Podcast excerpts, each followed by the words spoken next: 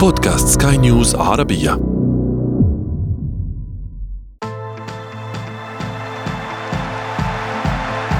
أثير الكرة.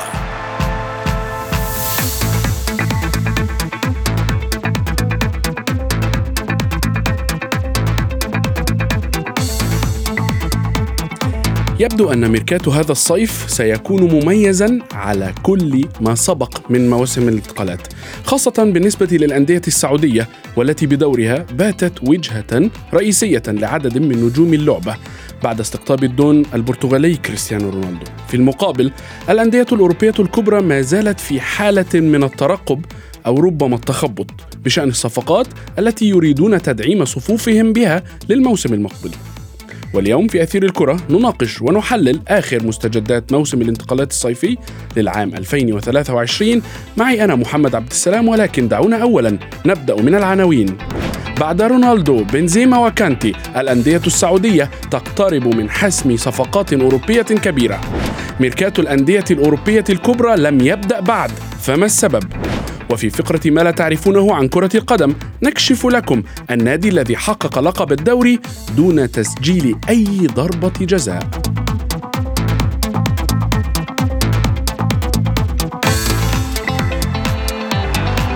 تغيير الكرة.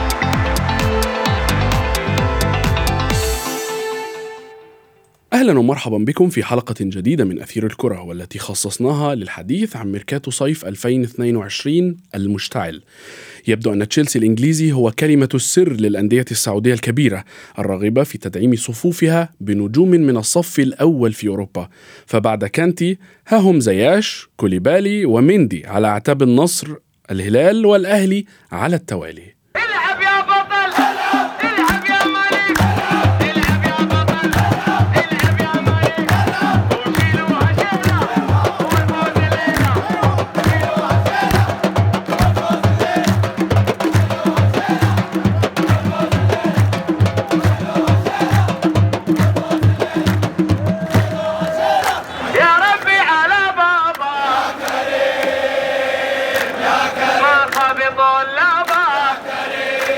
لمزيد من التفاصيل ينضم إلينا الصحفيين الرياضيين منير حومة وأيضا أحمد مختار أحمد دعني أبدأ معك يعني يعني لماذا برأيك أصبحت الأندية السعودية وجهة لنجوم كرة القدم في أوروبا؟ طبعا في البداية يعني صفقة انتقال النجم الكبير كريستيانو رونالدو للنصر السعودي في يناير الماضي أعتقد كانت سبب رئيسي يعني إن الدوري السعودي يصبح وجهة رئيسية لمختلف النجوم؟ طبعا كريستيانو رونالدو واحد من أعظم لاعبي كرة القدم في التاريخ.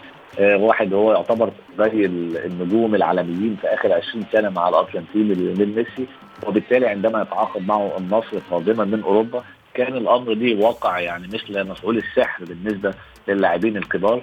الكرة السعودية يعني أو الأندية السعودية أكدت مع قدوم رونالدو أنها تمتلك القوة الشرائية الكبيرة لكن ليست فقط القوة المالية ولكن أيضا القوة الفنية التي يعني بمقدورها إقناع النجوم الكبار مثل كريستيانو رونالدو. بعدها آه، التعاقد مع كريم بنزيما اللاعب اللي هو آخر لاعب فاز بالكرة الذهبية وانتقاله لفريق الاتحاد بطل الدوري السعودي ثم الفرنسي كانتي. كل هذه الأمور جعلت الدوري السعودي أو النجوم الكبار في العالم يعني يأخذون فكرة الانتقال إلى الدوري السعودي بشكل جدي أو بشكل فعلا يعني واقعي.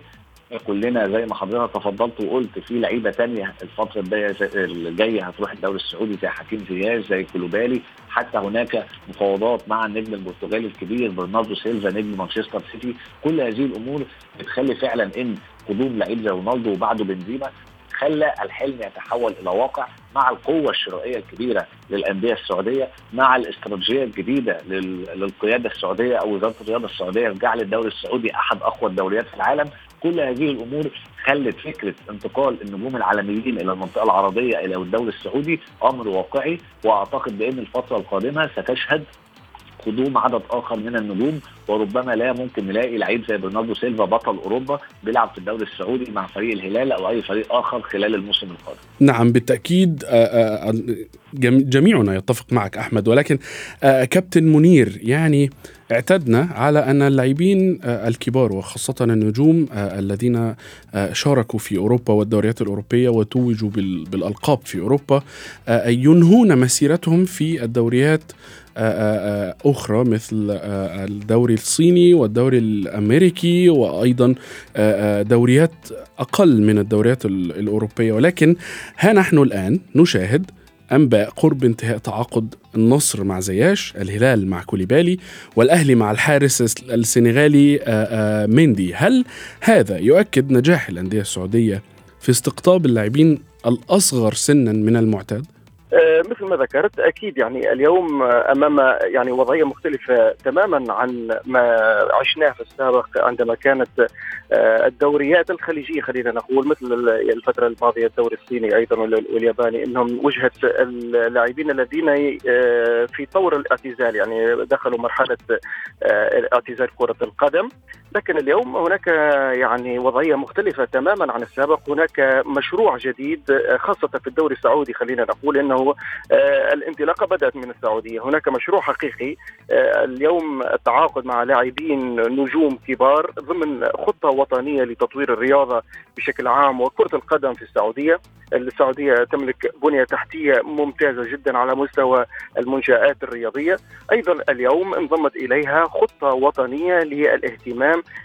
بالجانب الإداري في إدارة اللعبة. واليوم نتكلم على بعث شركات رياضية تكون يعني 13 يعني نسبة 75% ملك الصندوق النادي و25% ملك للمؤسسة الرياضية لكل نادي. فهناك استراتيجية حقيقية لإدارة كرة القدم في السعودية بمنظور مختلف بوجهة نظر جديدة بأفكار مختلفة عن السابق. اليوم ليس الهدف من التعاقد مع اللاعبين لجلب جماهير. نعلم جيدا أن الكرة السعودية لها جماهيرية كبيرة لها يعني حضور ومتابعين ووسائل التواصل الاجتماعي يعني شديدة التعلق والاهتمام بكل تفاصيل كرة القدم. اليوم أصبح الاهتمام بالجانب الفني هناك رغبة حقيقية في أن يكون الدوري السعودي أحد أبرز الدوريات على مستوى العالم.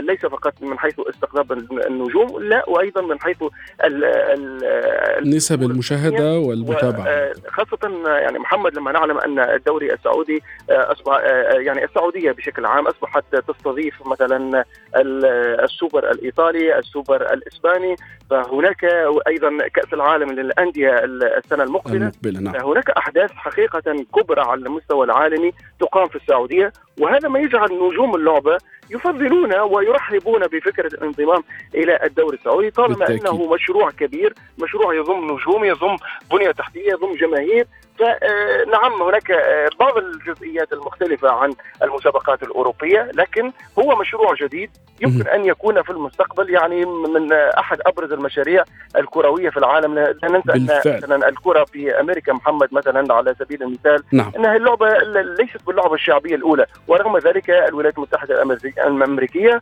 تراهن على استقطاب نجوم كبار في حجم ميسي للترويج لهذه اللعبة لأن لأن رياضة كرة القدم اليوم أصبحت هي جانب استثماري كبير جدا ويعني محرك اقتصادي كبير بالتأكيد. العائدات والإيرادات. الاستراتيجية السعودية سيكون لنا حلقة كاملة عنها وهي تستحق ذلك بالتأكيد. كابتن منير وأيضا أحمد مختار انتظروا ابقوا معي. فاصل قصير نتابع بعده ما تبقى من حلقة اليوم.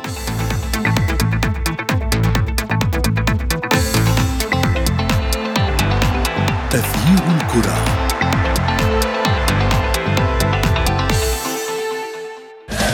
Chelsea, blue.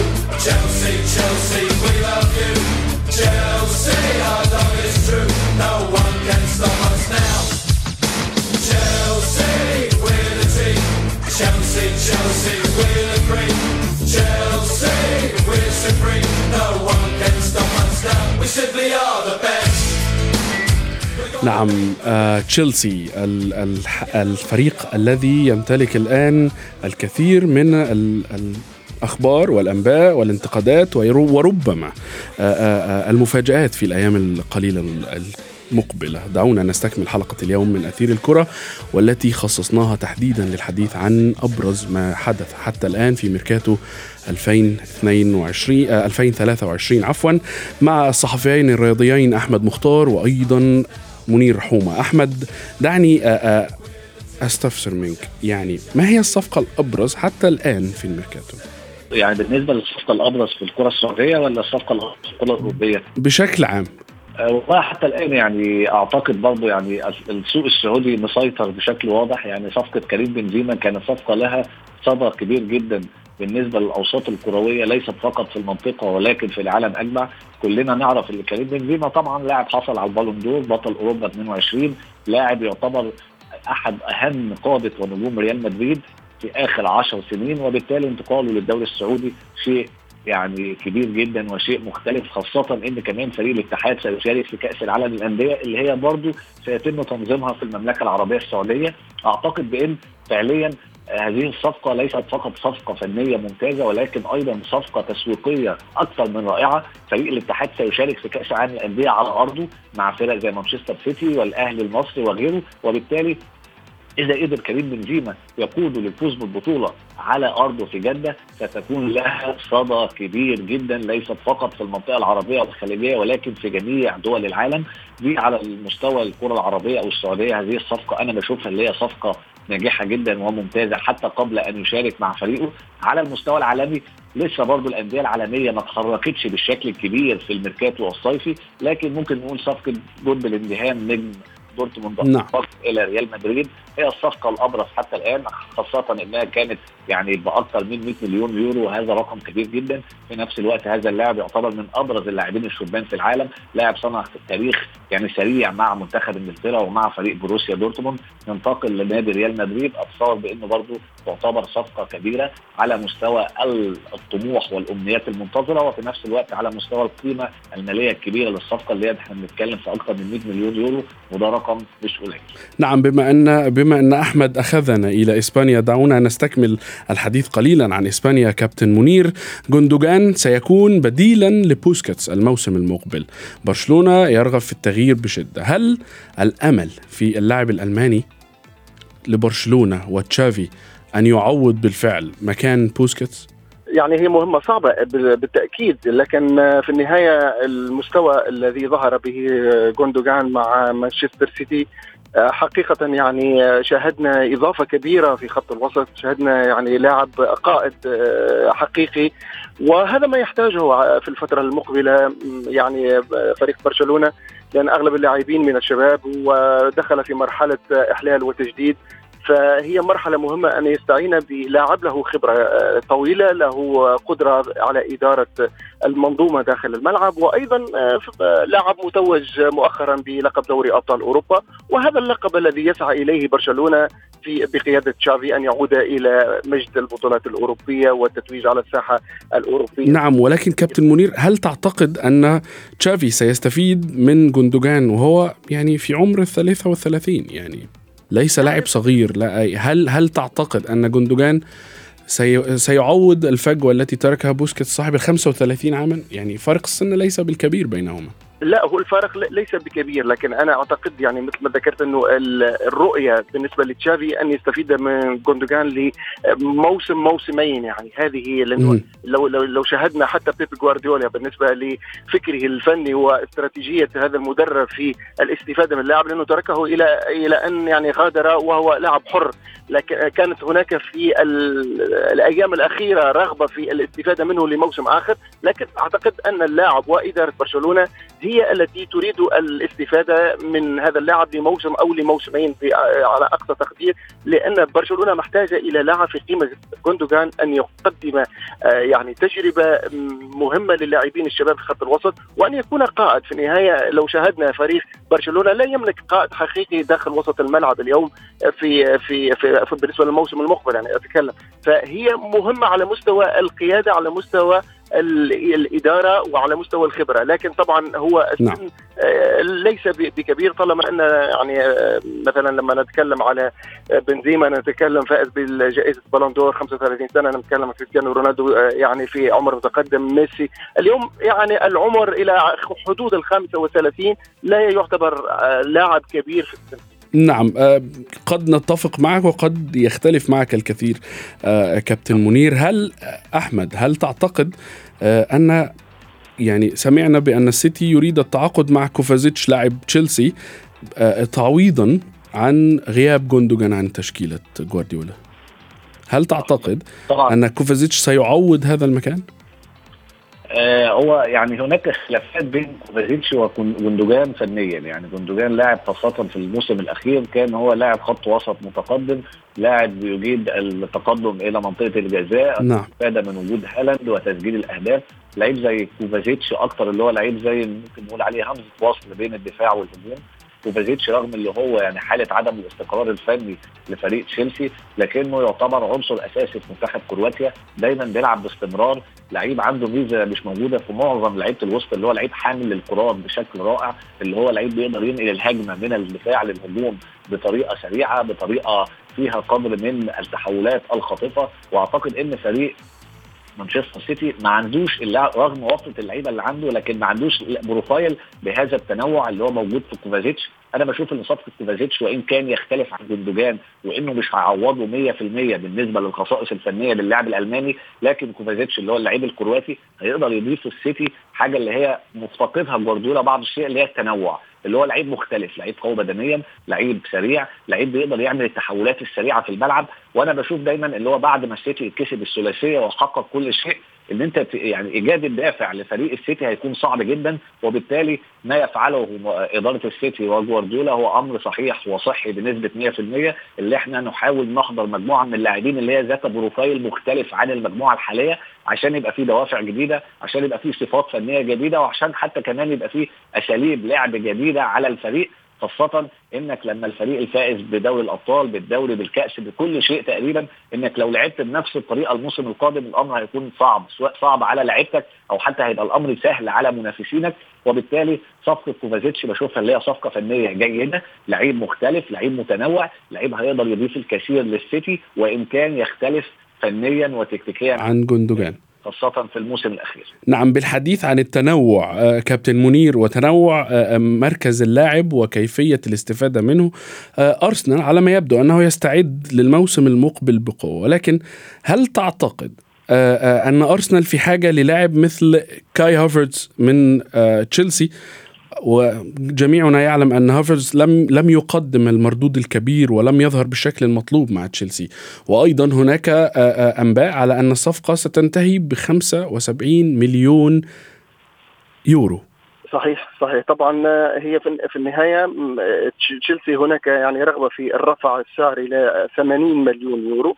لأنه يعني يعتبر أن التفريط في عدد من اللاعبين يمكن أن يفيده على مستوى النظافه اللعب يعني المالي خاصة أنه قبل 30 يونيو لابد أن يعني ينهي المشاكل المالية التي يعني وقع فيها بعد يعني الأموال التي صرفها الموسم الماضي خاصة أننا نعلم جيدا أن تشيلسي أكبر يعني قيمة دفعها الموسم الماضي على المستوى المالي بين الأندية الأوروبية 500 مليون يورو نعم. كانت مبالغ كبيرة فأصبحت شبه ورطة بالنسبة لهذا النادي طبعا أن يدخل الانتقالات الصيفية بميزانية جديدة بدون أي مشاكل مع النظافة المالية فطبعا بالعودة إلى الأرسنال الأرسنال يعني يعلم جيدا الارتيتي المدرب أنه كان قاب قوسين من التتويج باللقب وكان يعني أضاع فرصة تاريخية لأن يكون يعني بطل الدوري الإنجليزي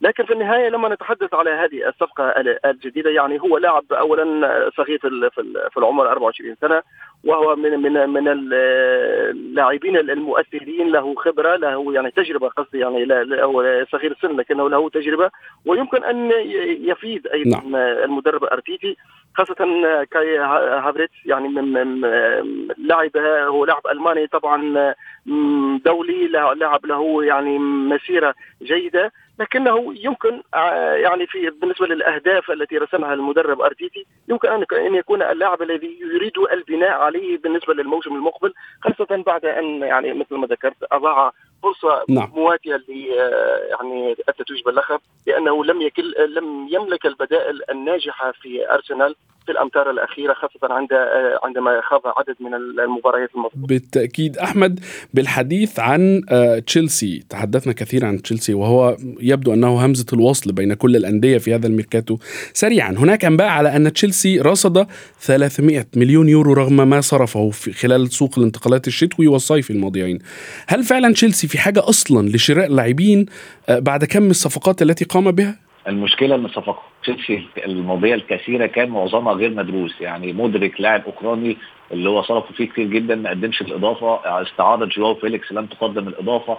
التعاقد مع كوكوريلا بوجود بن شيلويل لم يقدمها الإضافة الثنائي حتى كوليبالي اللعيب اللي هو هيروح الهلال السعودي لم يقدم الإضافة وبالتالي صفقات تشيلسي السابقة كانت غير مدروسة. لم يقدم الإضافة أم لم يستفد منه تشيلسي؟ يعني كوليبالي شاهدناه في نابولي يقدم الكثير للفريق الإيطالي. صحيح صحيح صحيح. لم يستفد منه تشيلسي وفي النهاية المحصلة واحدة إن هو فعلا كان زي ما كنت هقول دلوقتي إن فعليا بسبب تغيير الأجهزة الفنية الكتير في لعيبة اتظلمت في تشيلسي لكن نعم. النهايه المحصلة واحدة إن ما كانش في نجاح فني داخل الملعب وده اللي شفناه كلنا إن فريق تشيلسي الموسم الماضي كان تقريبا في مناطق أقرب للهبوط منها مناطق مناطق للقمه عشان كده أنا بشوف فعلا تشيلسي لسه محتاج لعيبة كتير يعني محتاج على الأقل يعني الصفقة اللي أنا بشوفها هتبقى كويسة نعم. هي مويسيس كايزيتو تصريح تصريح في غاية الأهمية أحمد لنا أحاديث كثيرة قادمة بالتأكيد عن الميركاتو فما زال ما زال هناك الكثير من الوقت لإنهاء الحديث هذا. شكرا لكم جزيلا.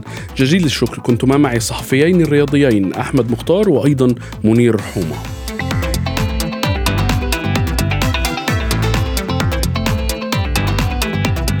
عادة ما يكسر الأبطال أرقاما قياسية في طريقهم لمنصات التتويج.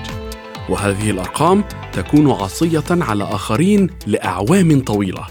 وفي فقرة ما لا تعرفونه عن كرة القدم نكشف لكم الرقم الذي ظل صامدا لثمانية عقود حتى سقط تحت أقدام نجوم البلوغرانا في عهد تشافي.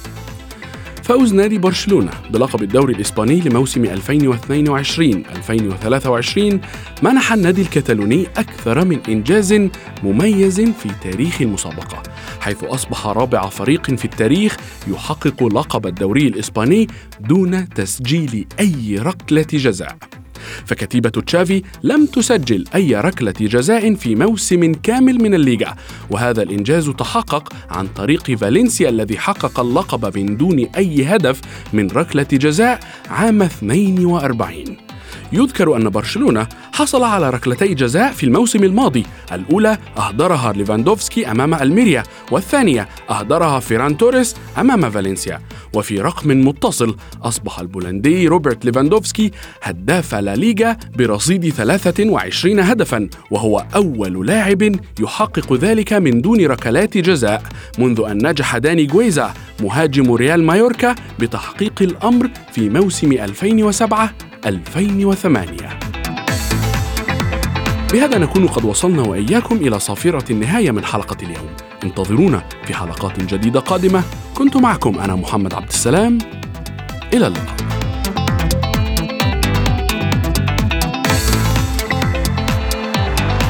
تغيير الكرة.